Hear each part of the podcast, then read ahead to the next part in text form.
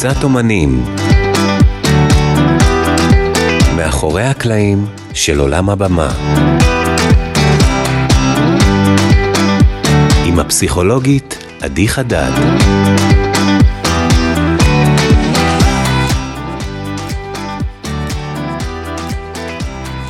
אז אתם על עוד פרק של כניסת אומנים, הפודקאסט על הפסיכולוגיה של אומני הבמה. אני עדי, אני פסיכולוגית במה בהתהוות ומפתחת תחום פסיכולוגיית הבמה בכלל. למי שלא מכיר, מצאתי שהדרך שבה הכי קל לי להסביר מה זה פסיכולוגיית במה, היא להגיד שמדובר בסוג של פסיכולוגיית ספורט, רק כזו שעוסקת באומנים. אני מקווה שזה נותן לכם איזשהו מושג כללי, ואם לא, אתם יותר ממוזמנים להקשיב לפרק ההקדמה של הפודקאסט, שאורך שנייה אחת פחות מחמש דקות, ובעיניי הוא בסך הכל באמת בסדר. ובנימה זו, מי שעדיין לא עוקב אחרי העמודים של כניסת אומנים בפייסבוק ובאינסטגרם, זה הזמן, מתעדכנים שם הפרקים החדשים שעולים לפודקאסט, וגם בכלל תכנים שקשורים לפסיכולוגיה של אומני במה.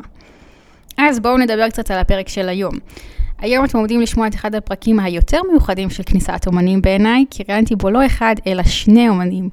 הראשון הוא המחזאי והשחקן גור קורן, שבין ההצגות שלו שרצות היום בתיאטרון הקאמרי תוכלו למצוא את גרושים ושני אנשים בלילה, שאלה הצגות שנכתבו בתקופת השיא של הקורונה והתחילו מהופעות בבתים.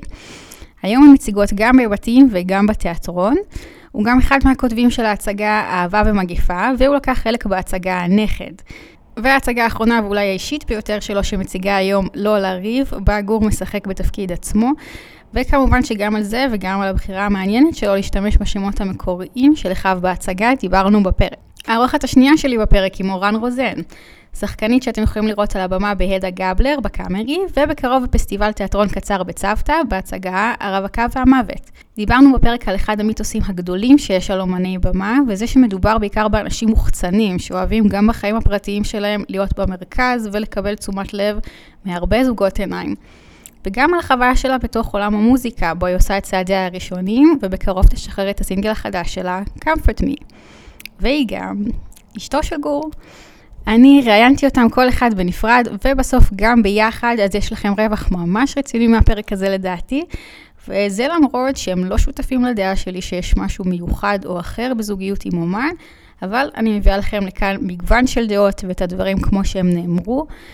אני לא עורכת החוצה שום דבר חוץ ממקרים ממש נדירים בהם המרואיין ממש מבקש ממני. עם שניהם דיברתי על חוויית הזוגיות עם אומן, על היתרונות שלה, ומתי לפעמים דווקא מעדיפים להתייעץ עם אחרים. מה קורה כשאחד מבני הזוג מצליח יותר, ואיך הקורונה שינתה את התפיסה שלהם לגבי המקצוע שלהם. הרבה נושאים, תאמינו לי שהיה מאוד מעניין. אז יאללה, תהנו מהפרק.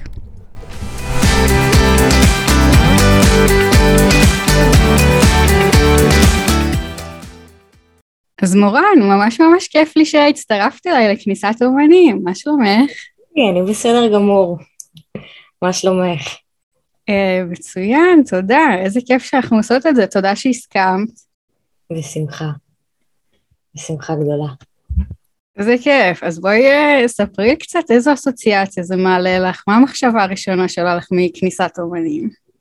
Uh, הדבר הראשון שעולה לי לראש, אני זוכרת uh, בתור ילדה שתמיד היה איזה דלפק כזה שהלכתי עם ההורים שלי למשהו והייתי נמוכה מדי בשביל לראות מה יש מאחורי הדלפק hmm. ו- ואת הרגע הזה שפתאום נהייתי מספיק גבוהה או שאולי שמישהו הרים אותי וראיתי מה קורה מאחורי הדלפק. אה, ו- ואותו דבר אני חושבת ש- שהכניסת אה, אומנים זה מסמל אצלי את, ה- את הרגע הזה של לראות מה, מה יש מעבר. כאילו את ההצגה הראשונה נגיד, שאת הפעם הראשונה שנכנסתי מכניסת אומנים, או את האמת זה, זה מזכיר לי יותר את ההצגה האחרונה שראיתי לפני שנכנסתי לעולם המשחק, וכאילו את, ה, את, את הדלת הזאת שהיא המעבר mm. הזה ל, ל, לעולם של הגדולים שאני לא אוכל לראות. זה לוקח אותי כזה ל, ללפני שהייתי שחקנית. וואי, זה דימוי מקסים. מקסים. כאילו יש איזה משהו שנשמע לי שהוא... מכוסה, נכון? משהו שאתה לא מסוגל לראות שנחשף בפניך? כן. כן, שיש איזה עולם כזה שאתה מרגיש שאתה קטן מדי בשביל לראות, ו... mm. ו... ושאחרים רואים, ואז את, את הפעם הראשונה הזאת שזה, שזה נחשף כזה. היום זה כזה סתם, אם אני חושבת על זה ככה בצורה רומנטית קצת, היום זה כזה, סתם ניפגש בכניסת אומנים או כזה. אבל Mm. אה, אני צריכה לחשוב על זה ב- במובן של מה זה, מה זה היה בשבילי פעם, אז כן, זה, יש לזה איזה סנטימנט. וואי. זה מקסים, כן, זה יש בזה איזה סימבול, נכון? כניסת אומנים, לא יודעת, בעיניי. בגלל זה גם אה, חלק מהסיבה שבחרתי את השם. כן, לגמרי, Mm. אחלה שם. תודה. אה, כן, אני חושבת שהוא, שהוא הוא מסמל הרבה, הוא יכול לסמל הרבה. Um, מעניין אותי לדבר איתך, הנושא הראשון, um, אני חושבת זה סוג של מיתוס שיש להרבה אנשים על אומנים. Um, הרבה אנשים, uh, כשאני מדברת איתם על אומנים, חושבים שרובם, נגיד אומרים לי, מה, מה גילית במחקר שלך? אומרים לי, רובם הם אנשים מאוד uh, מוחצנים, אקסביציוני, אקסביציוניסטים כאלה, שחשוב להם להיות במרכז, שרוצים שיסתכלו עליהם כל הזמן, שצריכים תשומת לב. Um, הסיפור הזה של אומנים שהם מופנמים או ביישנים, זה משהו שהוא, אני חושבת, מפתיע הרבה אנשים או מוזר להרבה אנשים. כן, זה פחות בסטיגמה, גם, גם לי לקח זמן להבין על עצמי שאני בן אדם מופנם. כי, כי אמרתי לעצמי, אני שחקנית, אז זה ברור שאני, שיש בי את הצורך הזה ל, לבמה ולתשומת לב, ו, ויש לי, יש לי את, כל את כל הצד הזה, אז למה קשה לי עם זה? אה, ואז הבנתי שאני, ש, שיש אה, שחקנים שהם, אה, שהם גם וגם, או כאלה שאני אני חווה את עצמי שאני גם וגם.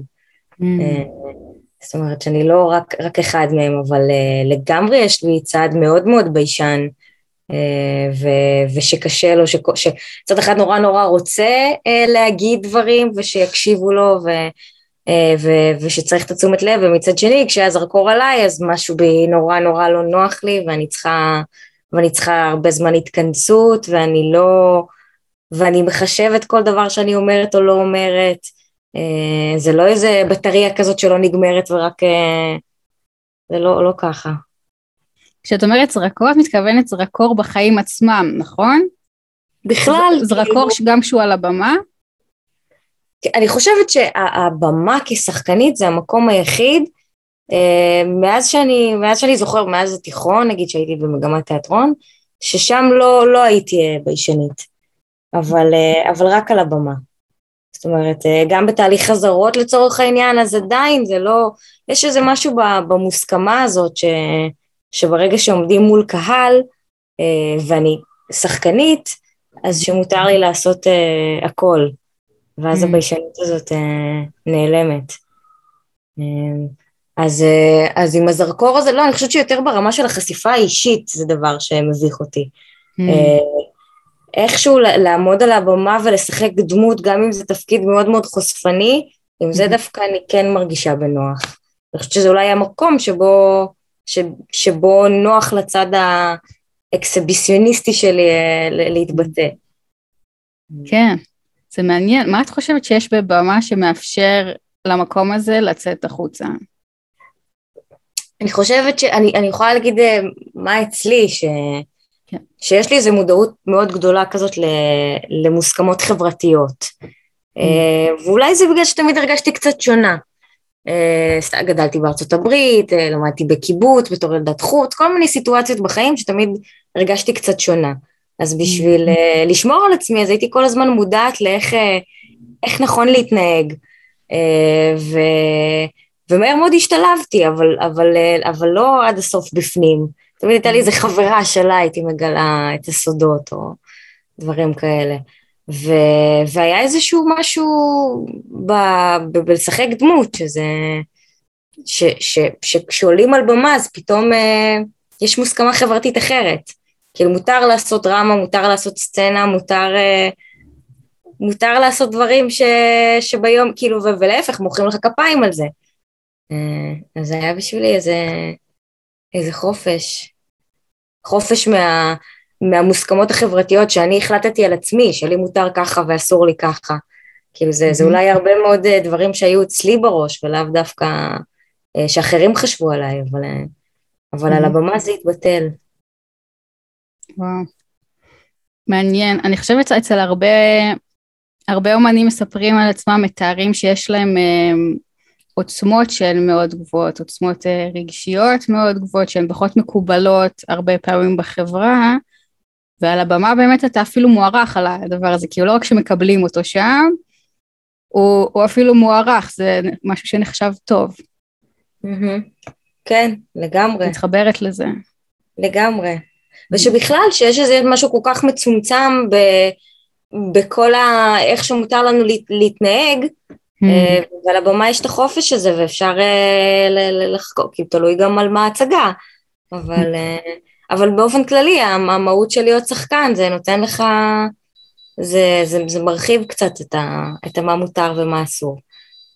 אמ, ספרי לי קצת איך החוויה הזאת הייתה מבחינתך בבית ספר למשחק, ששם באמת, אני חושבת אתה גם אולי יותר נדרש לדברים האלה, וגם אני לא בטוחה כמה מופנמות זו תכונה גורפת שם, כאילו מבחינת להשתלב בקבוצה כזאתי, שכאילו בדמיון שלי אולי זה קצת פחות מקובל.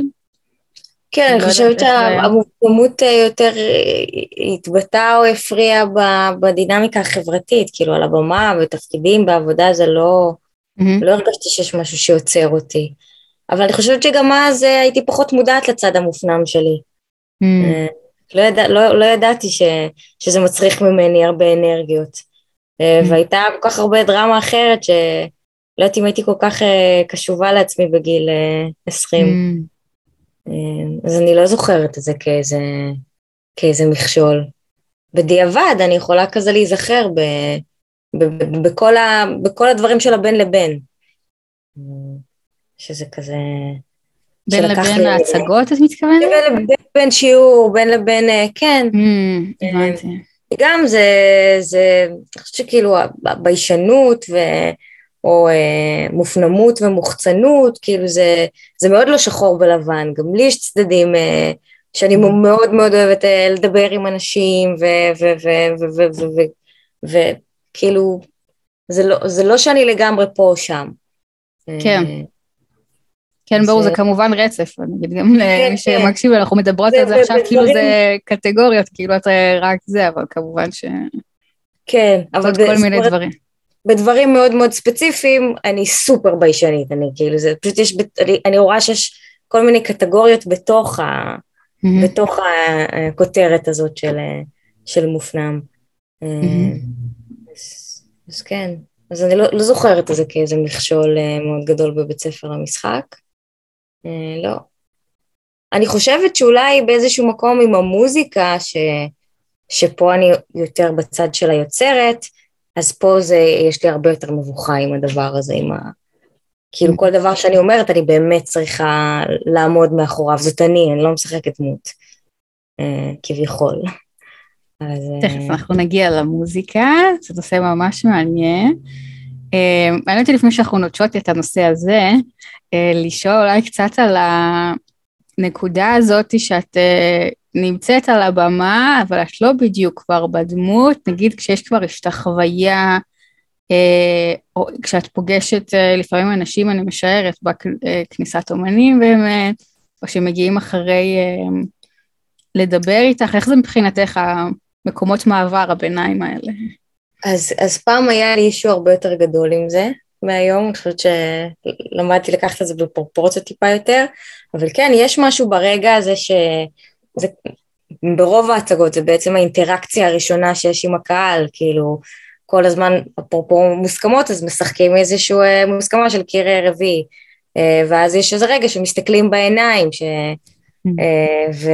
וזה תמיד היה יכול להיות לי טיפה יותר מביך, כמובן שזה תלוי איך ההצגה הלכה, וגם אה, שיחקתי הרבה שנים בהצגה עם, עם ליה קניג האדירה וטטיאנה קנליס אולייר האדירה גם והאהובה, וההשתחוויה שם הייתה נמשכת כמעט כאורך ההצגה. זה היה, היה לנו שיר כזה, והסאונדמן היה שם אותו ב repeat, ו, והיינו יורדות לקהל, זאת אומרת, זה היה נמשך המון המון המון זמן. אה, וכן, וזה, ושם זה היה לי איזה רגע כזה נורא נורא, זאת אומרת, כי זה היה לי יותר מדי, זה לא היה רגעי, זה הרגיש לי כמו mm. נצח. וזה היה לי כאילו יותר מדי זמן להיות אה, בלי, בלי תסריט, בלי, בלי דמות, בלי מסכה. אז שם זה היה לי נורא נורא אישיו, העניין הזה של ההשתחוויה. אבל עם הזמן אני גם לומדת שגם זה, זאת אומרת, אני עדיין בתפקיד. נכון שאני לא בדמות, אבל אני עדיין, אני למדתי טיפה פחות להפסיק להיכנס לראש של האנשים בקהל ולחשוב מה הם חשבו או לא חשבו, אני לא יודעת את זה. אה, טיפה יותר אה, לשמור על עצמי מהבחינה הזאת ולהפסיק, אה, פשוט זה איזשהו, זה עדיין רגע פורמלי, זה mm. לא, כן.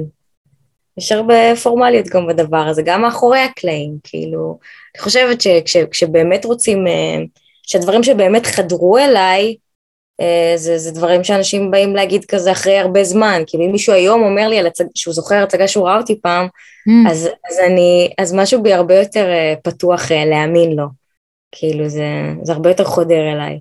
כאילו באסה, הלוואי והייתי יכולה גם בזמן אמת לקבל את זה, אבל לפעמים אני מרגישה שאני מגינה על עצמי עם איזשהו, טוב, אני בתפקיד עכשיו, כן, כאילו, כזה. בזמן אמת, מה אם ניגשים אלייך מיד אחרי ההצגה? אז אני כזה משחקת זה... את ה... כן, זאת אומרת, שוב, זה, זה תלוי, לפעמים אני, אני יותר באיזה רוגע ובאיזושהי שאני יותר שלמה עם מה שאני עושה, אז אני כן יכולה יותר להכיל. Mm-hmm. אבל, אה, אבל אה, פעם היה לי הרבה יותר קשה עם זה, כאילו עם, ה, עם, הר, עם הרגע הזה ש, שעכשיו זאת אני, ועכשיו יש אינטראקציה איתי, וזה כבר לא, mm-hmm. וזה כבר לא הדמות שעל על הבמה. כאילו הצד הביישני יותר אה, נכנס, המופנם. ואת אומרת אחרי שעובר איזשהו זמן, אז כן, זה משהו שהוא יותר קל לך אה, להכניס אותו פנימה.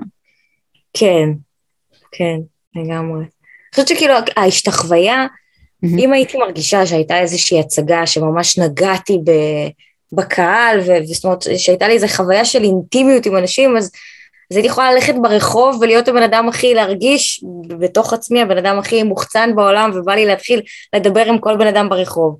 אבל כשזה לא קרה בתחושה הסובייקטיבית שלי, mm-hmm. אז זה גרם לי עוד יותר להתכנס. וגם אם אנשים היו רוצים לבוא ולהגיד לי דברים טובים, אז אני, אה, אז בגלל שזה לא טעם את החוויה שלי, אז היה לי קשה, אז כאילו למדתי להגיד אה, תודה רבה, אתה יודע, כזה, לשחק mm-hmm. איזשהו אה, פורמליות כזאת. אני חושבת שעם השנים אני לומדת כזה להיות פחות uh, קשה עם עצמי, ו, וזה נהיה יותר, יותר קל ולוקח פחות אנרגיה. יופי, איזה יופי לשמוע. זה יכול להיות דבר מאוד ממלא פידבק, אני חושבת, מקהל, כשהוא, לא יודעת, כשהוא נכון והוא נכנס למקומות הנכונים. כן, לגמרי. לגמרי. אמ, תגידי, את מהשחקנים שמזמינים, נוהגים להזמין בדרך כלל? קרובים וחברים לראות אותם אה, לא, בהצגון? אני לא מזמינה, אבל אני... אה, גם בדרך כלל גם אני צריכה לבקש כזה שייתנו לי עוד קצת זמן ואני לא, אני אזמין אבל עדיין לא וכזה שנים. אה, רוצים להגיע ואת עוצרת באדם. אני, כן, אני אומרת עוד רגע אני, לא, אנחנו עדיין כזאת מחפשים את זה. סתם, לא, אני, אה, קשה לי, קשה לי להזמין. אני חושבת שזה גם חלק מה, מהאופי. אה, אבל זה גם דבר שצריך לעבוד עליו, שאני עובדת עליו. אה, כי הם מכירים אותך בתור עצמך, בעצם. או זה מגיע מכיוון אחר? למה יותר קשה לך כש, כשמגיעים אנשים שמכירים אותך? הפעולה הזאת של שיווק, של כאילו לשווק, אה, לשווק הצגה, לשווק אה, שיר, לשווק, תקשיבו לשיר שלי, תקשיבו, mm-hmm. זו פעולה שהיא לא, לא קלה אה, בשבילי, השיווק הזה. Mm-hmm. כן, כן, שהיום הוא נעשה יותר ויותר משמעותי, אני חושבת, נכון? כן, לגמרי. רשתות החברתיות, אומנים זה נעשתה לא יודעת, אחת הקרקעות המשמעותיות של אומנים, אני חושבת. כן, זה, זה לגמרי משהו שצריך אה, להיות מודעים אליו. ולפעמים זה זורם וזה כיף, אבל לפעמים uh, השיווק uh, הוא לא קל. בטח, אני בטוחה שזה לא, לא לכל אחד. כן. Uh, בא בקלות. אמ, אז מעניין אותי באמת לעבור איתך קצת לנושא אחר. אה, בתקופה של הקורונה יש הרבה אומנים אמ, שדיברתי איתם, שדיברו איתי על זה התקופה הזאת קצת גרמה להם לחשוב מחדש על המקצוע שלהם, או שהיו להם, אה, הייתה להם איזושהי תנועה בתוך אה, אומנויות הבמה, זאת אומרת, אה, לא עזבו את הבמה, אבל אמרו, אוקיי, עכשיו אני אנסה משהו אחר בתוך זה. אמ, אצלך באמת את הסיפור שהכנסת את המוזיקה לחיים שלך, איך זה היה אצלך, מאיפה זה נולד אצלך? קודם כל המוזיקה, התחלתי לבשל את זה גם, גם לפני, וזה גם משהו שבתכלס תמיד תמיד רציתי אה, מוזיקה. אה, במקרה הגעתי למשחק, אני הייתי בטוחה שאני, שאני אלך למוזיקה, אבל, אה, אבל הקורונה בשבילי, אני חושבת שמה שהיא עשתה זה שהיא הורידה המון הנחות יסוד רומנטיות במובן הלא חיובי של המילה, על המקצוע, שזה mm. מי ש... ש, שזה המקצוע, שכאילו שמישהו שחקן אז הוא לא יכול לעשות שום דבר אחר חוץ מלהיות שחקן ו, ואיזה mm. קדושה כזאת ש, שתמיד יש בה, אני כש, כששיחקתי בהבימה אז, אז אני זוכרת ש, ששמו הצגה, לא נתנו לי ללכת לחתונה של גיסתי, אמרו לי גם על החתונה שלך אנחנו נשים לך אה, הצגת צהריים, כאילו יש איזה משהו כזה שאתה, שהמקצוע owns you, כאילו mm. שזה, אה, והיה איזה משהו ב... שפתאום שנה וחצי לא שיחקתי והשמיים לא נפלו. כאילו זה לא mm-hmm. תרגיש את הפחד הזה, מה, מה יהיה שאני לא, שאני לא אשחק בשום דבר, שלא, שהיומן שלי יהיה ריק לגמרי, כאילו שה... להישאר בתוך איזשהו לופ, אה, וכמה זה פחד וכמה זה צורך. אה, ואני חושבת ש, שהרבה, ש, ש, שהרבה פעמים כאילו מגיעים למצבים ש, שאומרים כן לדברים מהמקום של הפחד ולא מהמקום של, ה, של הצורך, וזה זה כן, אה, לי זה עשה הרבה שקט ו, וגרם לי להתק, להתכנס קצת ולהתגעגע. להתגעגע, mm. זאת אומרת, ברגע שלא היה את הפחדים האלה, לא, לא שאין לי את הצורך, אבל מרוב הפחד, שמעתי רק את הפחדים, לא שמעתי את זה שאני, כאילו, אני גם, mm. אני ידעתי שאני הרבה משחקת לא, ו, ו, ולא תמיד נהנית מזה, ופתאום, אה, פתאום להיזכר ש... שאני לא משחקת רק בגלל שאני מפחדת להפסיק להיות שחקנית, אני משחקת כי אני אוהבת את זה, כי אני בוחרת בזה. Mm. אה, זה נתן איזושהי אה, בהירות על הרבה דברים, ואני מקווה שזה, שזה יימשך גם, שזה לא יימחק.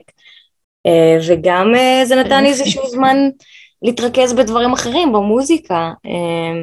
ובמוזיקה אני חושבת שההבדל העיקרי הוא שאני, שאני יותר יוצרת כרגע, שזה משהו שאני לא עושה, לא עשיתי במשחק. אז זה אני חושבת ההבדל המשמעותי, כאילו האיך זה הדבר השולי, אבל זה שאני יוצרת. אז זה אחרת לגמרי. אה, קודם כל במובן של ה... שבתור שחקן, אה, כאילו אתה שכיר חרב, אתה, אה, אנשים מלהקים אותך לפרויקטים, וזה שם אותך באיזשהו מקום שאתה כל הזמן במקום נידי, שאתה צריך שיבחרו בך. אה, ויכולות להיות uh, תקופות שאני מרגישה שאני בטופ שלי ושאני, ורק תביאו לי אודישנים ורק תביאו, ואין כלום, ואני, כאילו יש לי מלא מלא אנרגיה לעשות ואני רוצה, ואני רוצה, אבל אין לי איפה, אין כלום, אין לי איפה לבטא את זה. יכולות להיות תקופות הפוכות שאני בלואו שבלואו שלי ועכשיו יש אודישן ואין לי מאיפה, mm. מאיפה להביא את האודישן הזה עכשיו ואין מצב שאני לא שולחת את האודישן הזה, זאת אומרת זה מאוד מאוד לא ב... ההגה הוא לא בידיים שלי. אה, ו, ו, ובשעה שכשאתה יוצר, אז, אה, אז אני מחליטה על הקצב שלי, על מתי לעשות דברים, מתי אני מרגישה שבא לי לעשות, אה, אם בא לי לעשות אז אני פשוט אעשה. כמובן שזה לא כזה פשוט, אבל, אבל יש יותר שליטה. Mm-hmm. אז כן. כן.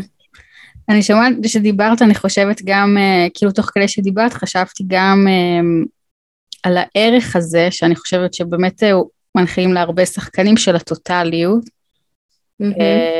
במשחק, כאילו בשביל להיות שחקן טוב או שחקן ראוי, אתה חייב להיות all in כזה. ו- ואם לא, אתה לא, אה, אתה לא באמת יכול להיות שחקן. וגם על הסיפור של האי ביטחון התעסוקתי שיש לשחקנים, שמזה, זאת אומרת, נולדות החרדות. אי ביטחון אה, יצירתי, כי mm. במובן התעסוקתי אני לא יכולה להחשיב, זאת אומרת גם המוזיקה זה לא, זה לא נכון. תמיד אה, בשליטה שלי מתי אני אתפרנס מזה או לא, אבל אם אני רוצה ליצור, אז אני אצור. Mm, אה, זאת אומרת, יפה, זאת הזה של הבחנה יפה. יצירה, כן, הוא, אה, הוא נותן לך איזשהו חופש בתור יוצר. אה, נכון. ל- להרים איזה פרויקט עכשיו, להרים שיר, לארגן מפיק, לארגן מוזיקאים, לארגן קליפ, את כל הדבר הזה, זה, זה אני מחליטה אם אני עושה את זה או לא. אה, ובתור שחקנית זה, זה כאילו אה, לא תמיד בשליטה שלי מתי אני אשב בבית ואחכה לאודישן ומתי אני אהיה בעשייה. גם, אני חושבת שזה הבדל מאוד משמעותי שיש בין שחקנים לבין אה, אומנויות במה אחרות. באמת הפן הזה של אה, לבחור, נגיד גם סטנדאפיסט, הוא, אה, אם הוא מחליט שהוא הולך היום לערב של במה פתוחה, אז הוא, אז הוא ילך, זאת אומרת, הוא, הוא יכול לבחור להופיע היום. נגיד, מה ששחקן באמת פחות. הוא באמת יותר תלוי באחרים בשביל זה.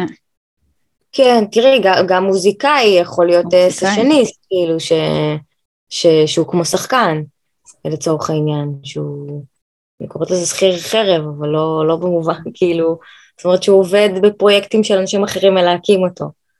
כן, אה, כן, כן. סטנדאפיסט, אה, כן, זה גם פשוט תיאטרון, קולנוע, זה, זה בעיניי זה יותר מורכב לעשות, להפיק. אה, אבל אה, זה רק, אה, רק בשבילי, יכול להיות שבשביל אנשים אחרים זה יותר קל להם. לידי, אז דיברת קצת קודם על המקום החשוף יותר שיוצא במוזיקה. איך, אז מה בכל אופן נתן לך כן ככה את האומץ ללכת על זה, למרות? אני חושבת שכשהלכתי ללמוד משחק בגיל אה, 20, 21, אה, לא הלכתי ללמוד מוזיקה כי אמרתי, אני לא מרגישה שיש לי מה להגיד. אה, בגיל 30, 34, התחלתי להרגיש יותר ויותר שכן יש לי מה להגיד, ואני רוצה להגיד את זה במוזיקה, אה, כי, כי זה הכי מדויק לי. יש משהו ש... ש, ש, ש, ש כאילו גם הצורה שבה אני צורכת מוזיקה. אני, אני פחות הולכת להופעות, אני יותר אה, שומעת מוזיקה עם אוזניות, מתנגן לי בראש שירים, כאילו יש בזה איזה משהו, אה, ו, וככה אני גם אה, עושה מוזיקה היום, אני עוד לא כל כך מופיעה.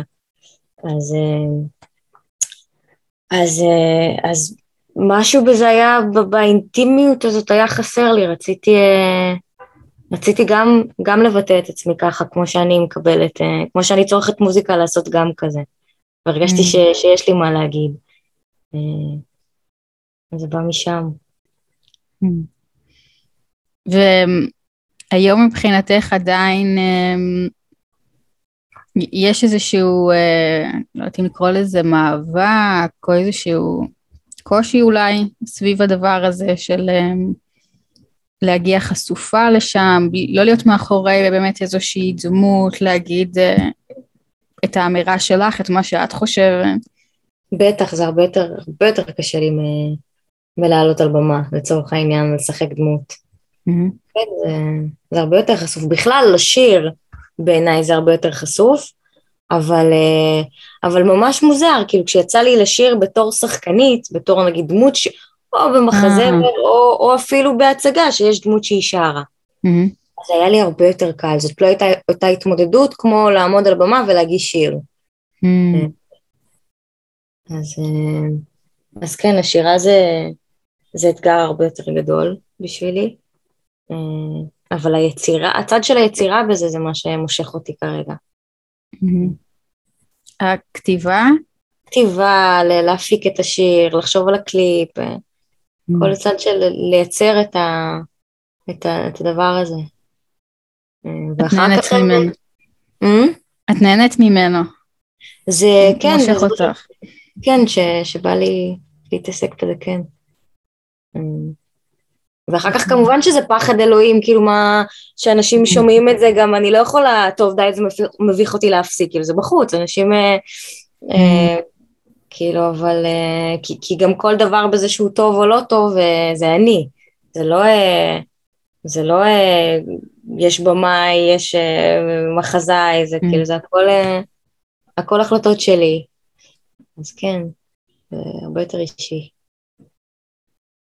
יש לך איזשהו אה, טיפ, מחשבה למישהו שהוא, אולי הוא היה במצב דומה לשלך, שהוא היה, יכול להיות שחקן, יכול להיות שהוא היה אומן בתחום אחר, אולי, האמת לא כל כך משנה במה הוא עובד, ויש איזה משהו בתוכו שהוא יודע שהוא רוצה לעשות, אבל הוא אה, זה, מתמודד שם עם איזשהו קושי, יש לך איזשהו, מה עזר לך?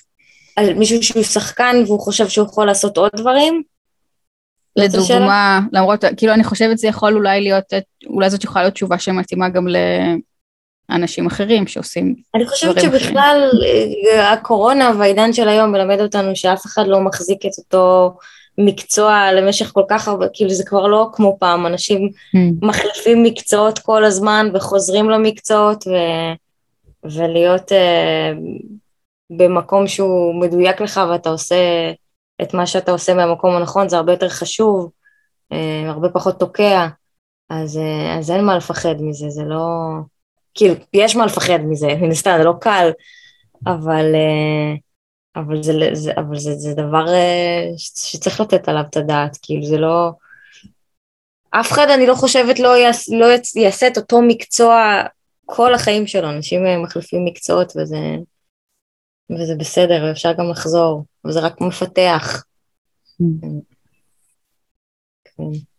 יש איזה טריגר מסוים שהיה אצלך? יש משהו מסוים שככה ממש דחף אותך לעשות את הצעד? או שזה משהו שנבנה? כן, uh, כן, את האמת היה לי איזשהו טריגר, אני נשואה גם למישהו מהתחום, לגור קורן, uh, ו... ואני זוכרת ש... שהוא נורא נורא הצליח, ושהתחלתי להרגיש קצת uh, אשתו של. Mm. וזה מאוד מאוד, uh, היו מקומות ספציפיים שזה מאוד מאוד פגע לי באגו. Mm. הרגשתי שאני, שאני כל הזמן בצל ושלא... והרגשתי ש, שאני רוצה ש, שיהיה לי משהו שהוא שלי, שאנחנו לא, mm. זאת אומרת, של, לא בתחום התיאטרון. ש, של לעבוד עם אנשים שהם לא, לא מהתיאטרון, שהם לא, לא יכירו מי זה בעלי ושיהיה לי איזה mm. דף חלק כזה. אז דווקא, זה, זה נתן לי איזה בעיטה כזאת, mm. אבל זה לא, לא שזה בגלל זה, זה משהו שתמיד רציתי לעשות, אבל... כן. אבל, כן. מעניין, רק באמת נגיד אה, ש- שאתם באמת שניכם מגיעים מהתיאטרון ותכף אנחנו גם נדבר עם גור ואז עם שניכם ביחד, שזה יהיה, אני חושבת, מאוד מעניין. אה, אבל כאילו אם הבנתי אותך נכון, בעצם זה משהו שהוא אה, ישב אצלך עוד, עוד מלפני כן, אבל בתחושות האלה שעלו אצלך פתאום היה איזה משהו שקצת שם אותך עם הגב לקיר, והכריח אותך לעשות משהו. כן, כן, אפילו אני לא יודעת אם הגב לקיר, אבל כמו... אולי זה קצת חריף לקיר. כן, כאילו הדימוי, הדימוי שהיה לי זה היה דימוי מאוד, לא יודעת למה, אבל הכי mm? מפגר כזה לירי כזה, כאילו הרגשתי שאני כאילו, שיש לידי עץ ענקי, mm. שאני מעריצה אותו ואוהבת אותו ואוהבת להסתכל עליו, אבל, אבל אני כאילו פרח שלא מקבל טיפת שמש, כי כל הזמן mm. אני בצל שלה, ואני צריכה להתרחק מה... לא רוצה את השורשים האלה, לא רוצה את ה... אני רוצה להתרחק ו, וללכת למקום אחר, שגם אם אני אהיה אה, פרח קטן, תהיה עליי את השמש. אני לא אחיה ב, באיזשהו צל. Mm. והיום זה משהו שהוא, את מרגישה שזה נתן לך את זה? את מרגישה היום אה, שמש, או יותר שמש? אה, לאט לאט, כן. אני חושבת שקודם כל אה, בעיני עצמי, זה מה, ש, זה מה שחשוב. נכון. כן. לאט לאט אני מתחילה אה, לקבל את, ה, את הערך של עצמי ובעשייה שלי, וכן. איזה יופי. איזה יופי לשמוע. טוב, מורה, אנחנו נדבר איתך אה, ממש אה, תכף עוד פעם. בטח, אני אקרא ל... ואנחנו נדבר קצת עם גור. יאללה. תודה, נתראה בקרוב. נתראה. אה, אז גור, עברנו אליך, מה שלומך? תודה רבה, הכל בסדר. איזה כיף שגם אתה הסכמת להתארח כאן בכניסת אומנים. בשמחה. תודה. Uh, ספר קצת uh, מה זה בשבילך כניסת אומנים, איזו אסוציאציה זה מעלה לך? ליטרלי, כניסת אומנים, זה ככה קוראים לכניסת אומנים של הקאמרי, אז זה מקום שאני עובר בו כמה פעמים בשבוע, אז פשוט אני רואה את המקום, זה, זה האסוציאציה שיש לי, הכניסת אומנים של הקאמרי. כן, ומה היום עלה אצלך ככה, לא יודעת, רגשית או מחשבתית לראש? זה מקום שאתה אוהב נגיד? אני יודע, זה הדלת, זה פשוט הדלת. אז ככה אומרים, תבוא לכניסת אומנים, תפגוש אותי בכניסת אומנים, המילים מאבדות ממשמעותם, אבל יש לי אסוציאציה של mm. מקום. הבנתי. טוב. אמ, בואו נדבר קצת על אמ, אתה בעצם אה, מכיר גם מה זה להיות אומן שנמצא בפרונט וגם מה זה להיות אה, אומן שנמצא מאחורי הקלעים. ספר קצת על ההבדלים. בפרונט זה פשוט אה, לשחק אה, ממש מול הקהל ולהרגיש אותו, אה, להילחץ ממנו, להתרגש ממנו, אה, לאהוב אותו, לקבל ממנו אהבה. שזה דבר מאוד מאוד מלהיב. ומאחורי הקלעים זה, זה דבר גם מרגש, אבל אין לו את העכשוויות של המפגש עם הקהל, אבל זה גם עבודה מאוד מרגשת בסך הכל. אצלך יש מקומות שבהם זה בעצם נפגש גם, נכון? מקומות שאתה משחק טקסט שאתה כתבת. בעיקר, כן. איך בעיקר. זה בשבילך?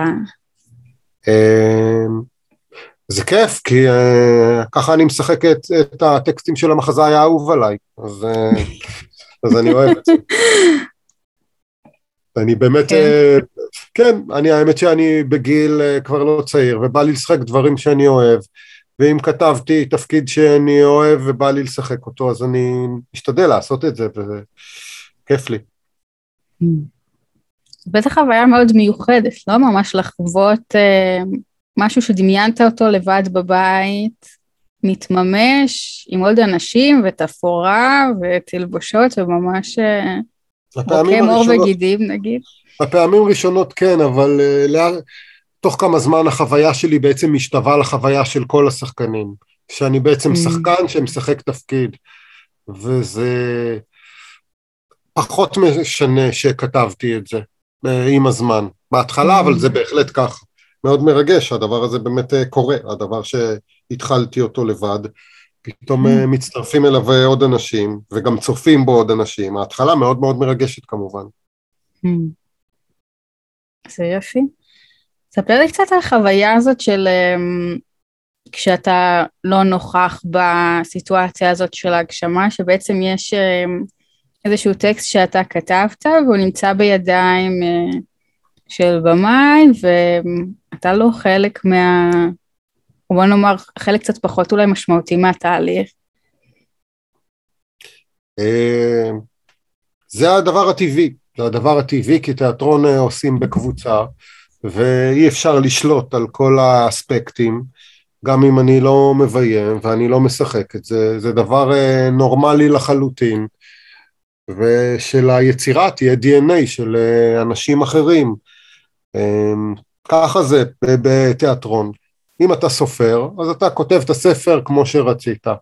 כשאתה כותב מחזה, אתה צריך לדעת שהוא הולך לקבל uh, התערבות של במאי והתערבות של שחקנים והמעצבים וגם הקהל משנה אותו, זה דבר הרבה יותר mm-hmm. uh, דינמי. Mm-hmm. זה משהו שהוא אמ, תמיד בא לך בקלות לשחרר ככה?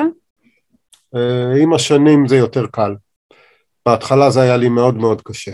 בהתחלה גם מאוד רק רציתי לביים את המחזות שלי, mm. בשביל לשמור את השליטה אצלי, אבל uh, לאט לאט הבנתי שאם עובדים עם uh, אנשים טובים ואומנים טובים, זה מעלה את היצירה ומוסיף לה רבדים שלא חשבת שהם קיימים כשעשית אותה לבד.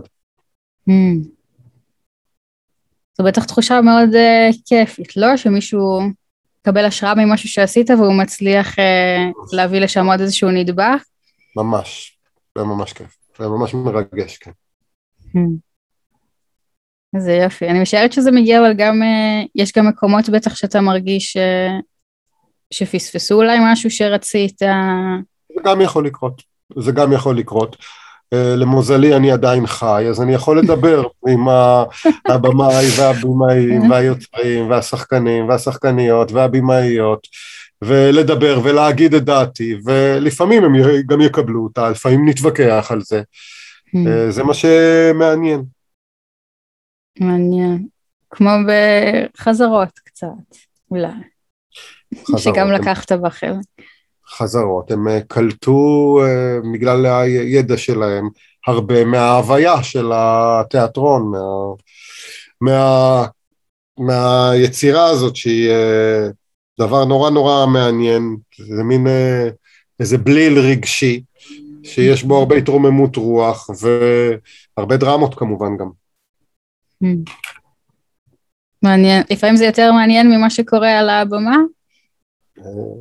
לפעמים. אם ההצגה לא מספיק טובה, אז כן. אה, טוב, בחזרות אני חושבת הוכיחו שגם זה חלק שהוא מאוד, אה, שהוא מעניין לא פחות, לא יודעת, בעיניי לפחות. לגמרי, מאוד מעניין. נכון? לטעמי. אמ, אני רציתי לדבר איתך קצת על התפקיד של השחקן בתוך כל הדינמיקה הזאת, נגיד, שדיברנו עליה.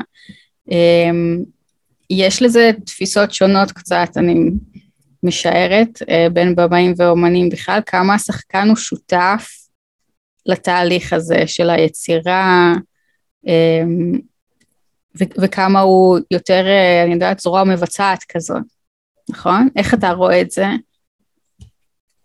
הוא שותף, אה, אם נרצה או לא נרצה, ואני לא רואה פה גם יותר מדי גישות, השחקן הוא בכל מקרה שותף, כי הוא מביא את הקול שלו ואת הגוף שלו ואת הנפש שלו לדבר הזה. אין רובוטים שעושים בדיוק את מה שדמיינו, הם פשוט האנשים והם מקרבים את הדברים האלה אליהם, בגלל זה הם אה, שותפים שלנו, ככה ש... אה, יש בימאים שיותר רוצים שזה יהיה כמו שהם רוצים, ויש בימאים שהם אוהבים לערבב את זה עם מה שהשחקן מביא, זה באמת אה, גישות, אבל השותפות היא בכל מקרה אה, שותפות, וככל שהזמן עובר מהיציאה של ההצגה, ההצגה היא בכלל אצל השחקנים. Hmm. הם ה... בסדר אם תרצו או לא תרצו. כן, ממש ככה. מעניין. אני שמעתי פעם אה, משפט כזה, שאפשר לראות כמה הבמאי באמת אה, הוא מנהיג טוב, או באמת הוא עשה עבודה טובה, זה בכמה משתקף, את הרוח שלו אה, אצל השחקנים, אה, גם הרבה זמן אחרי שהוא כבר לא נמצא שם. יפה, נכון mm. מאוד, מסכים. מתחבר לזה. מאוד. Mm. מעניין אותי, אני לא, זה לא היה מתוכנן לשאול אותך את זה, עכשיו מעניין אותי לשאול את זה, אני אשאל. אה, ספציפית אולי על ההצגה של אה, לא לריב, אה, שהיא עדיין אה, רצה עכשיו בקאמרי. נכון. אה, אפשר להגיד שהיא ההצגה הכי, אה, אני יודעת, קרובה שלך, חשופה שלך, אישית שלך? אה, אולי, אולי כן. אני לא יודע, אולי כן. אולי... אה... אולי גרושים מאוד חשופה, לא יודע מה יותר חשופה, אבל uh, היא מאוד uh, אישית בשבילי, גם כי החלטתי להשתמש בשם שלי ובשמות yeah. כן. בני, בני המשפחה שלי, ולהביא הרבה מהם אל הבמה ולספר הרבה עליי ועליהם, ולאהוב אותם על הבמה ולצחוק עליהם על הבמה, אז יש בזה משהו, uh, הרבה מהביוגרפיה שלי שם, אז זה מאוד מאוד אישי. Uh, כן, אני לא מרגיש, uh, ואם זה חשוף, המילה הזאת היא מאוד מאוד חזקה. אני mm. מרגיש כאילו שאני כן, את זה רציתי להראות והראיתי. כן. זהו, באמת שאלתי בגלל גם, גם באמת, אה, גם שבחרת לדבר בה על המשפחה שלך, וגם באמת הבחירה של השימוש בשמות היא אמיצה בעיניי. למה, או מה גרם לך לבחור באמת להשתמש בשמות uh, האמיתיים שלכם? אמ, זה סוג של אה, רצון לאיזושהי... אה, אני חושב שזה בא מתוך איזשהו אה, סוג של אקציביזיוניזם, איך אומרים את המילה Mm. הזאת? כן, אקסיביציוניזם. בא לך להראות את המשפחה שלך ואת עצמך ולהפוך את אתכם לדמויות Mm. ולתת לקהל אה, לאהוב את האנשים האלה וגם להכיר אותם בשמותיהם, Mm. בלי, גם אם זה לא הכל אמיתי, אחד לאחד. אה, זה, רציתי מאוד לתת את הדבר הזה למשפחה שלי, Mm. ומשם זה בא, מין איזה אהבה למשפחה. יופי, יש בזה סוג של אה, מתנה כזאת, זה נשמע לי. אני מקווה שכן, אני מקווה שכן. וואו. מקווה. שההצגה הזאת אה, תיזכר אצלנו אה, לא רק באופן מקצועי, אלא גם באופן משפחתי. וואו. גם מורן מוזכרת שם, נכון? אם אני נכון. זוכרת נכון. נכון. Hmm. זה היה מורכב, ביקשת מהם, שאלת אותם אם זה בסדר כן. מבחינתם? בהחלט. וזה היה להם קל להסכים? הם קראו את זה. אה, היה איזה רגע שהם אה, התבלבלו, כשהתחלנו את החזרות. הם היו בקריאה הראשונה וזה לא היה כמו שהם חשבו, אה, והיה להם איזה שהם אה, בלבלות, אבל כשהם באו להצגה הראשונה, הם היו נורא נורא מרוצים וגאים. וואו. גם בהצגה החגיגית עלו על הבמה וזה היה להם מאוד מאוד כיף, וואו, הם עלו על הבמה? בהחלט. וואו, והקהל ידע, זאת אומרת, לשייך, כן. מי זה מי? כן, כן, אמרו, אה, עירית אמרה אני משחקת את הילד, סלע אמר אני משחק אותו, אני אמרתי אני משחק אותו וכולי וכולי. את עצמך. וואו, זה נשמע מדהים. חבל לי שלא זכיתי לראות את הרגע הזה, זה נשמע לי רגע מדהים. זה היה רגע מדהים באמת, מאוד מרגש. וואו. אה, אם תחפרי ב... בפייסבוק שלי זה בטוח מופיע איפשהו שם, אני לא יודע איפה הוידאו הזה עכשיו, אבל רואים את זה בוידאו, כן? שהם עלו לבמה, כן, וואו, לקחתי על עצמי את האתגר. בסדר. זה. איפשהו היה בקיץ 2019, תחפשי ב... אולי ביוני-יולי 2019, לדעתי זה שם. וואו. רגע לפנתיאון. מדהים. איך התגובות היו של שאר המשפחה להצגה? הם אהבו את זה, אהבו את זה מאוד. וואו. זה כן. מקסים. זה גם נראית לי אה, גירושה כזאת, לא? כאילו לדורות אה, קדימה באיזשהו מקווה. מקום. אני מקווה, כן. איזה יופי. אמ, תגיד גור, היו לך בתקופת הקורונה אמ, הצגות מיוחדות שכתבת, נכון? לכבוד, לכבוד, בוא נאמר בעקבות התקופה הזאת. כן, כתבתי אה, שני מחזות, האמת שזה מורן באמת אה, אמרה לי לעשות את זה, ולכתוב הצגות שמותאמות לעידן אחר,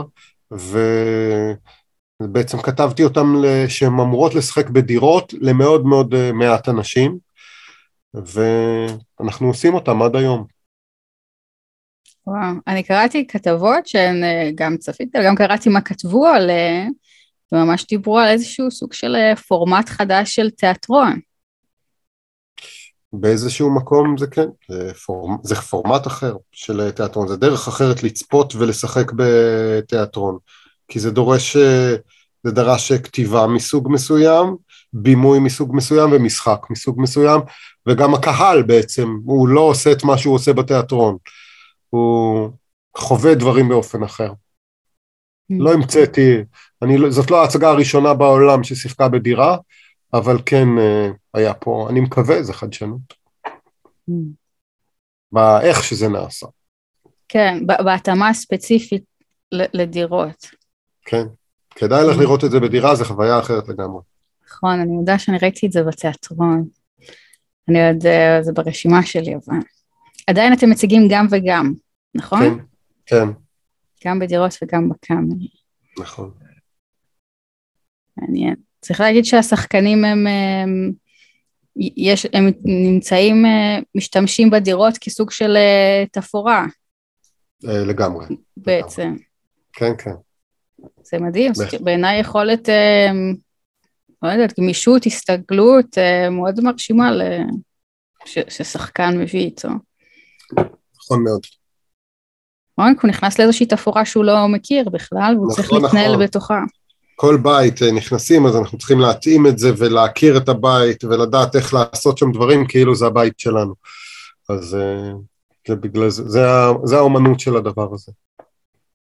איך זה מתבצע? אל תגלה לנו את כל הסודות, אבל uh, אתם עושים, אתם חוקרים את הדירה קצת לפני? אנחנו מגיעים מספיק זמן כדי להכיר אותה ולהתאמן בה, כן. הבנתי. והצגות מומלצות מאוד. תודה רבה. אז דיברנו על לא לריב, ויש את גרושים ושני אנשים בלילה, נכון שדיברנו עליהם עכשיו, שנולדו בקורונה. נכון. ויש את אהבה ומגפה שהיא גם קשורה, נכון, בסיפורים נכון, בקורונה. זה, נכון, נכון. זה שלושה מחזות בעצם שמתרחשים במלון קורונה. מה שדן פנורמה בזמנו היה מלון קורונה, והבמאי של זה והיוצר של ההצגה, ירד רובינשטיין, הוא בעצם פנה לשלושה כותבים, וכתבנו בעצם שלושה סיפורים שמתרחשים במלון של קורונה. ואני כתבתי את אחד מהם. זה מאוד, זה מאוד יפה בעיניי לקחת uh, את התקופה הזאת באמת ול... כאילו להעצים אותה לסיפור כזה. כן. ולהנציח אותה על ידי סיפורים כאלה. נכון. מאיזו uh, זווית אתה לקחת את זה? זה עוד לא צפיתי, אני מודה. אה, לא ראית? יש כרטיס, אבל עוד לא צפיתי. אה, לא, יש כרטיס, זה נהדר, זה העיקר. אה, באיזה זווית, אה, די, תראי בקרוב. זה על אה, שרה שפוגשת, שרה לאומנית שפוגשת בחור גיי שמה, שהם נתקעים בחדר, mm. ואחרי שהיא הצביעה נגד חוק הפונדקאות, Mm. ואז זה קורה להם משהו שמשנה הכל, לשניהם. תראי בקרוב. וואו, זה כבר מאוד מסקרן, אני חושבת למי שלא... שעוד לא ראה. אני יודעת שכתבה בת חן סבג לזה גם. נכון, לבת חן סבג, ויואב אה, גושן ועירד אה, אה, כתבו ביחד את הסיפור הראשון בעצם. Mm. ואולי אני אגיד שיש שם גם תפאורה שהיא נורא נורא מעניינת, של ירון עצמו. של ערן עצמו, נכון. ערן עצמו. של במה מסתובבת, אני חושבת זאת הייתה... אה, שגם נמצאת בלא לריב בעצם. סליחה, רציתי להגיד שפעם ראשונה שראיתי, ראיתי בלא לריב פעם ראשונה במה מסתובבת. יש הרבה במות מסתובבות, אבל אה, שם זה באמת אה, באהבה ומגפה, גם בלא לריב דרך אגב. אה, מאוד מרשים, מאוד מרשים השימוש בבמה, שם במה מדהימה. באמת ערן עשה דברים מדהימים. איזה יופי, אתם רואים מכל הבחינות מאוד מרשים ומאוד uh, כדאי לבוא ולראות. נכון, באמת כדאי. Uh, יש משהו שאתה יכול לספר לנו על משהו שאתה עושה uh, עכשיו, אולי באיזשהו uh, אני... רמז? אה, לא, לא, אין לי מה להסתיר, אז לא צריך רמזים. אני עובד בקאמרי, אה, אני עוזר לכמה מחזות אה, להיוולד, ויש לנו פסטיבל של קריאות מבוימות אה, בקאמרי שאני עובד על הפסטיבל הזה בעצם, mm. שהוא יהיה בדצמבר, בין ה-12 ל-16 בדצמבר, ואני מתחיל בכתיבה של, מנסה בתהליך של כתיבה, אבל זה רק ההתחלה. יכול לתת לנו איזה נושא, משהו כללי, לרמוז, להגיד. אז לא. לא? אה, רק אם אתה רוצה. אז אני מעדיף שלא. אוקיי, נשאיר את זה. אמ, אולי לסיום אני אשאל, יש משהו שאתה חושב, דיברנו קצת על הקורונה ועל הסוגי אומנויות האלה שנוגעים אה, בתיאטרון בקורונה, אתה חושב שהם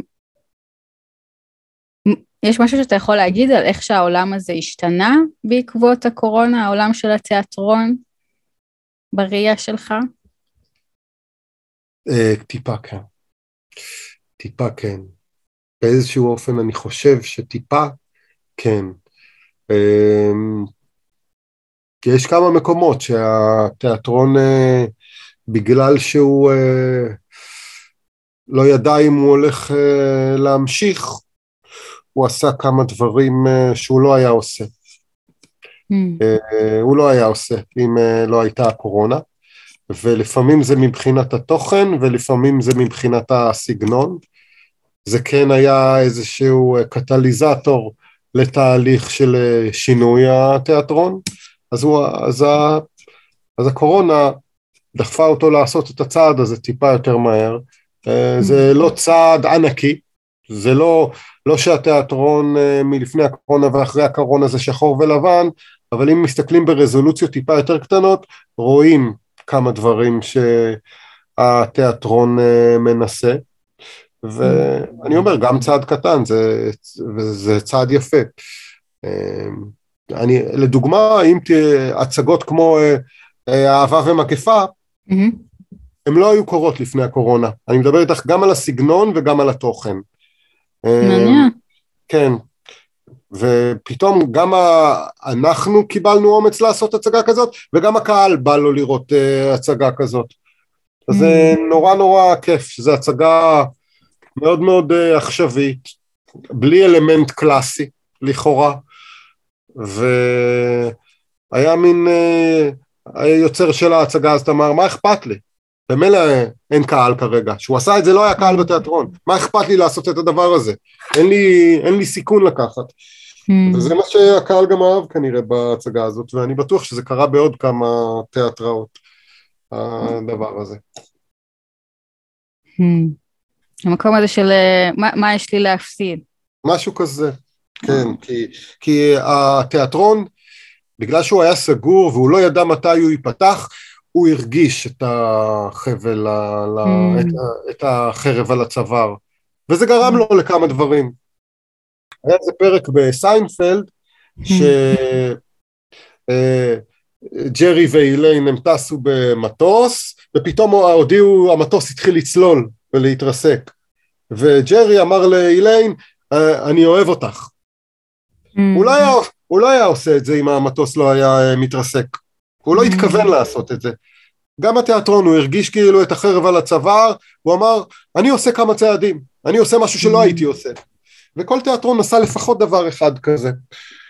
אמ, אני שמח שאנחנו עשינו כמה כאלה בקאמרי, ועשו גם דברים שהיו עושים לפני הקורונה, זה בטוח, אבל אה, אם עשינו אחד כזה לפחות, אז אני שמח. מעניין. יש באמת דברים הרבה פעמים אמ, אצל ארגונים שמשהו באיזה סוג של אה, שעת חירום או שעת משבר שהוא מכריח אותם פתאום לצאת החוצה, אבל אחר כך הדברים האלה נשמרים. לפעמים. אה, האמת כשהתחלת לדבר חשבתי שהתכוונת אה, לקאמרי Late Night. גם, בהחלט. גם ה... זה הרבה דברים, זה אהבה ומגפה, זה קאמרי Late Night, זה ההצגות של הדירות, זה עוד כמה פורמטים אה, חדשים להצגות, זה החיפוש, חיפוש של אה, חדשנות, אמ, ולפעמים גם מוצאים, ולפעמים גם נכשלים, אבל הקורונה כן אה, היה קטליזטור למשהו כזה. הקאמרי Late Night, בטח, סיפור ש... זה... הקאמרי רצה אה, להגיע לצעירים הרבה זמן, וגם פה הייתה איזה, זה במילא משהו שהיה, זה היה בתוכנית במילא, הסיפור של הקבוצה הצעירה וה Late Night, אה, זה לאו דווקא מהקורונה, אבל טוב שזה קרה וטוב שזה קרה בקורונה. לגמרי. אני נהנתי מזה לטובת מי שלא מכיר. אולי נגיד שהקאמרי בערבים מסוימים פותח סוג של בר בתוך התיאטרון מיד אחרי ההצגה. כן, זה כולל הצגה בשעה טיפה יותר מאוחרת ובר שאחריו נפגשים עם השחקנים לרוב וגם מדובר על תכנים טיפה יותר אה, שמתאימים לשתייה אחרי זה, תכנים טיפה יותר אה, צעירים או נועזים נקרא לזה, או mm. שמתאימים גם בכלל לאנשים מבוגרים. לאו דווקא לצעירים, אבל אה, נכון. זה כיף, כיף הדבר הזה, שהתיאטרון נראה גם ככה, תיאטרון של בירה אחרי זה. לגמרי, כמו שאמרת, אני חושבת, בעיקר האש הזאת של החדשנות ושל החיפוש, אה, זה כיף להרגיש את זה. כן. איזה יופי. ממש שמחתי, גו. בשמחה, עדי. היה לי מרתק, נראה לי שבשלב הזה אנחנו נצרף אלינו את אה, מורן, ונעשה איזו שיחה אה, משותפת. בשמחה.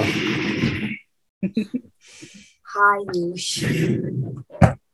שלום מורן שוב. היי. היי.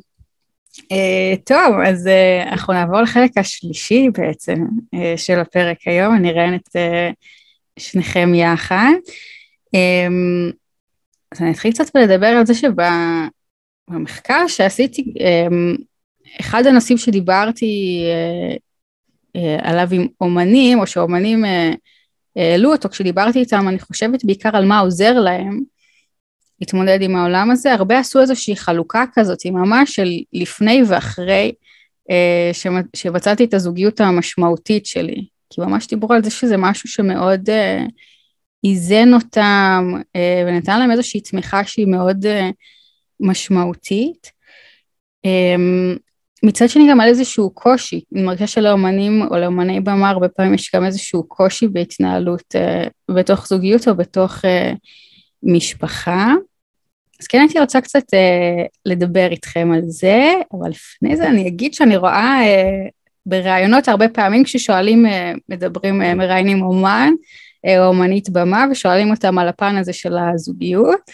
בדרך כלל אם נגיד אה, לאומן יש בת זוג אה, שהיא גם מהתחום בבית, אז שואלים אותו איך זה להתמודד עם עוד מישהי מהתחום, שני אגואים של אומנים בבית, ומצד שני, אם uh, יש לה uh, בן זוג שהוא לא מהתחום, אומרים איך את מצליחה עם מישהו שהוא בכלל לא uh, מכיר את התחום שלך, ותמיד גם התשובות, אני מרגישה זה לשני הכיוונים האלה של או דווקא ממש מאזן אותי שהוא לא מכיר את התחום, וזה נותן לי איזה פרספקטיבה, ואם הוא מהתחום אומרים, זה עוזר לי שהוא מכיר, והוא מכיר את הדרישות, והוא זורק לי uh, טקסטים, ו... זה הולך לכיוונים האלה. אה, אז אני אשאל אתכם את זה קצת אה, אולי אחרת. אם אה, היה פונה אליכם נגיד או זוג בתחילת הדרך שלו, או בוא נאמר אפילו בחור או בחורה שמתחילים לצאת עם מישהו שהוא אומן במה, יש לכם איזשהו טיפ לתת להתנהלות במערכת יחסים כזאת? ביניכם זה, זאת שאלה שהיא רלוונטית בכלל? זוגיות זה דבר מורכב ומאתגר, Mm-hmm. וזה דעתי שזה דבר מורכב ומאתגר, אה, לא משנה מה המקצוע של אה, בני הזוג. Mm-hmm. זה, זה דבר שמוסיף, מוסיף לכאן לפעמים, לכאן הוא מוסיף. אני לא רואה בדבר הזה Mm-hmm. את הדבר המרכזי להצלחה או לכישלון של זוגיות. אז אם היו שואלים אותי על עצה לזוג צעיר, הייתי אומר, תמצאו מישהו שאתם אוהבים. Mm-hmm. זה הכי חשוב. וואלה, את חושבת אותו, את באותו ראש? בגדול כן. זו הייתה שאלה קצת רחבה, נגעת בכל מיני אספקטים, אז אני לא בטוחה לאיזה, לאיזה חלק להתייחס. בגדול אומן הוא בן אדם, אז, אז יש סוגים שונים של, של בני אדם ושל אומנים. אני גם לא יכולה להשוות כל כך את הזוגיות שלי עם גור לשום זוגיות אחרת ש, שהייתי בה, mm-hmm. כי אני וגור ביחד המון המון שנים, רוב השנים שלי במקצוע בעצם. אפשר לומר שלאומנים בדרך כלל יש חיים טיפה פחות יציבים, mm-hmm. שזה כמובן דבר שמשפיע על, נכון. על זוגיות. ואני חושבת שיש גם איזה פתיחות והבנה ו... והכלה אולי טיפה יותר רחבה,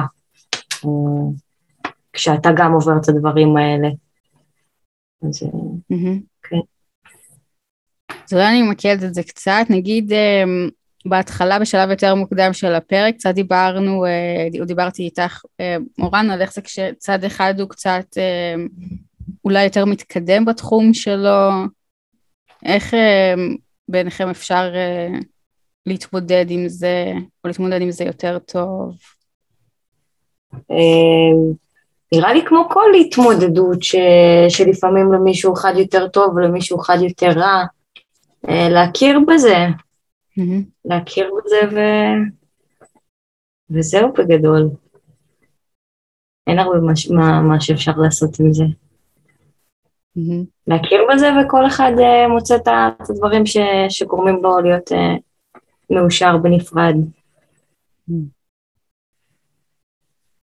אז אולי נדבר קצת על הדברים החיוביים שבזה, יש דברים שאתם מרגישים שאתם אה, מקבלים מזה, שיש לכם, אה, אולי אני לא אקרא לזה אומן, עוד מישהו אולי יצירתי בבית. יש מזה אה, איזה שהם כן. רווח- רווחים? כן, כי הנושא שיחה, אפשר להגיד שהם שמכירים את העולם טוב. לא צריך לתווך למישהו מה זה תיאטרון או מה זה משחק. אז אה, דברים כאלה, הם אה, אפשר להגיד נוחים יותר. ומבחינת אה, אולי עצות, גור קודם סיפר מורן על זה שאת קצת עודדת אותו לפתח את ההצגות שהן מותאמות יותר לתקופה של הקורונה. כן, הרבה עצות. מורנה עזרה לי בהרבה מאוד דברים. בכלל, אנחנו משתדלים לעזור אחד לשני, אבל בהכל, זה בכל התחומים. זה, זה שמורן אה, מבינה ב, במקצוע שלי, אז כמובן שזה אה, עוזר. אם היית, הייתה לי אה, בת זוג אה, רופאה, לא הייתי יכול לתת לה עצות אה, מקצועיות. אז זה נהדר שמורן יכולה לתת לי ואני לה. זה נחמד מאוד. מורן, את גם מרגישה את זה? בטח, בטח, אני, זה, זה כיף שאני יכולה להתייעץ עם גור על דברים. לא, לא, לפעמים, לפעמים גם עדיף שלא, אבל uh, כן, את, את מרגישה? אני, כן, לפעמים, לפעמים uh, גם נחמד לשמור על, על מרחק בדברים האלה, ודווקא, ודווקא לבוא ולספר, אה, כאילו בסופו של דבר הבעיות של אנשים הן אותן בעיות, אם זה בתיאטרון או ב, במחלקה בבית חולים או, או wherever, כאילו, אז, אה, אז, אה, אז אני לא יודעת אם זה, זה, זה, אם זה כזה יתרון מבחינתי.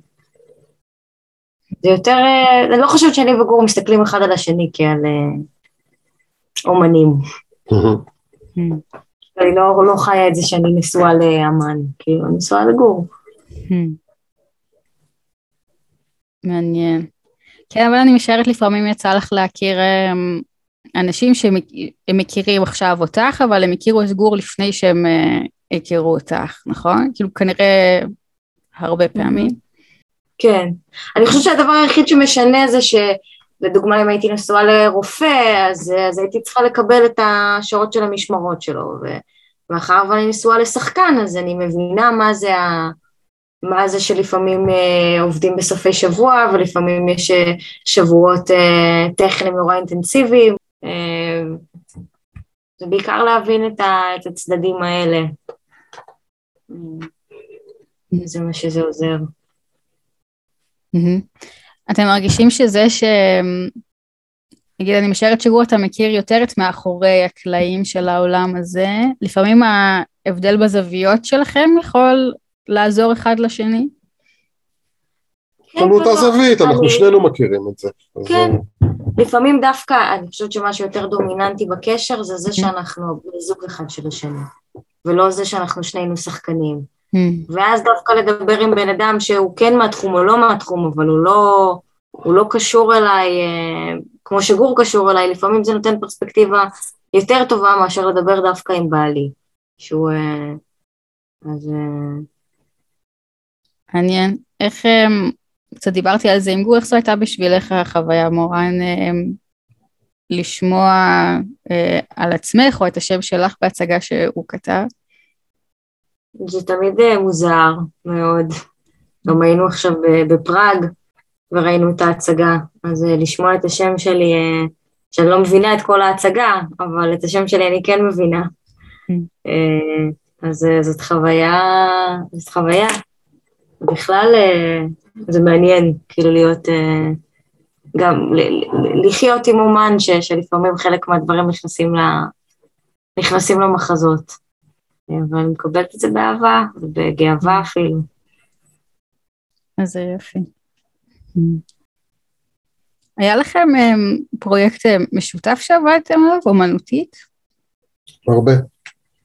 ספרו קצת.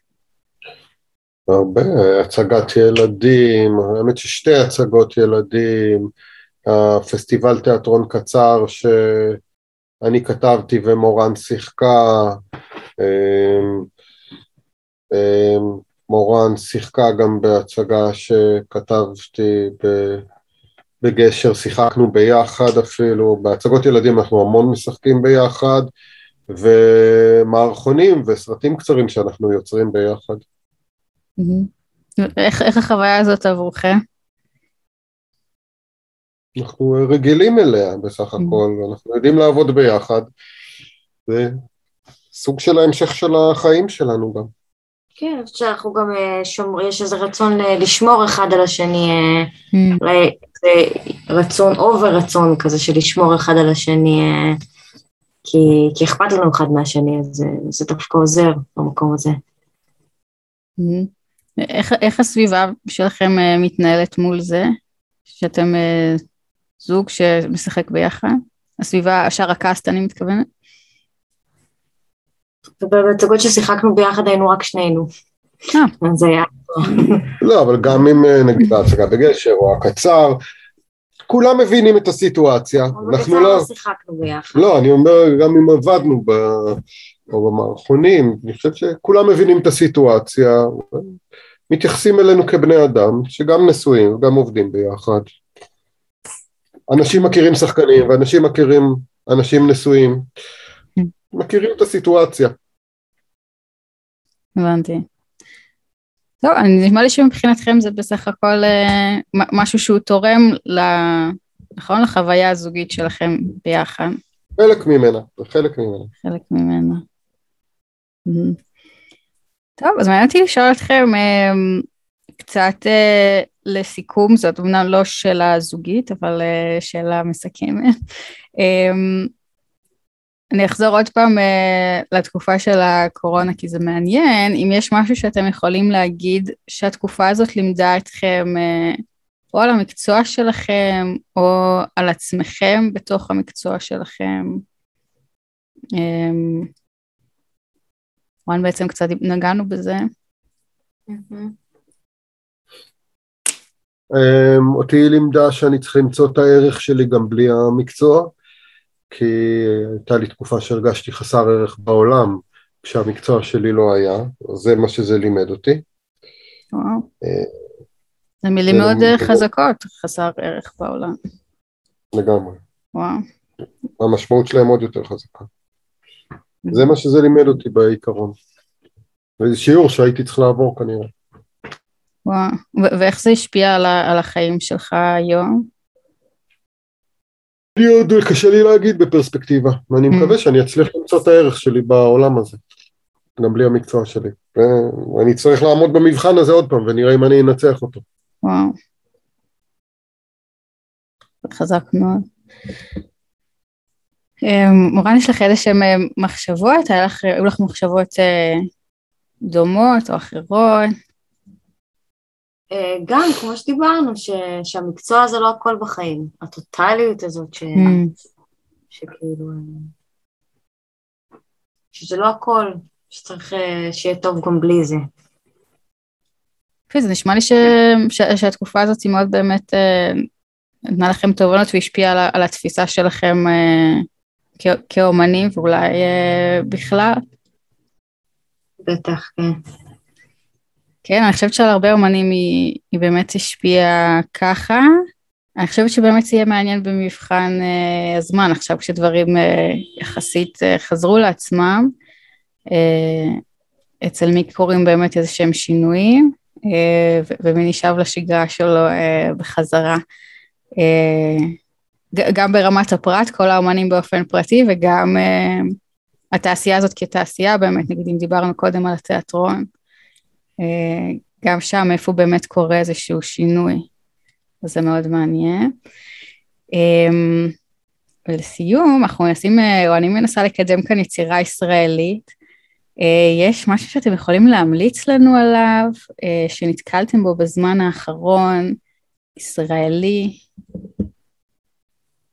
אני, זה עוד חושב, אני, אני אתחיל. אני, ההצגה הראשונה, אני זוכרת שראיתי אחרי ש, שחזרו ההצגות, mm-hmm. הייתה גידול ושמו בועז, mm-hmm. בצוותא, שכתבה אותו אורן דיקמן, ובימה אותו תמר קינן. אה, ו... ונורא נורא התרגשתי לראות את היצירה הזאת, אה, התרגשתי כ- כאירוע לראות אה, שהתיאטרון חוזר ושזה עושה לי משהו, שזו הייתה הצגה מאוד מאוד טובה ו... וזה עשה לי איזשהו, והייתי מאושרת שזאת ההצגה שפתחה לי את ה... שפתחה לי את הסכר הזה של התיאטרון, אז אני מאוד ממליצה. איזה יופי. היא עדיין רצה, אני יודעת. היא עדיין רצה, כן. ראית את זה? שמעתי עליה. אני מודה שטרם ראיתי את זה, אבל לגמרי שמתי, מוסיפה לעצמי לרשימה עכשיו. אני אצטרף להמלצה של מורן על גידול לשמו בועז.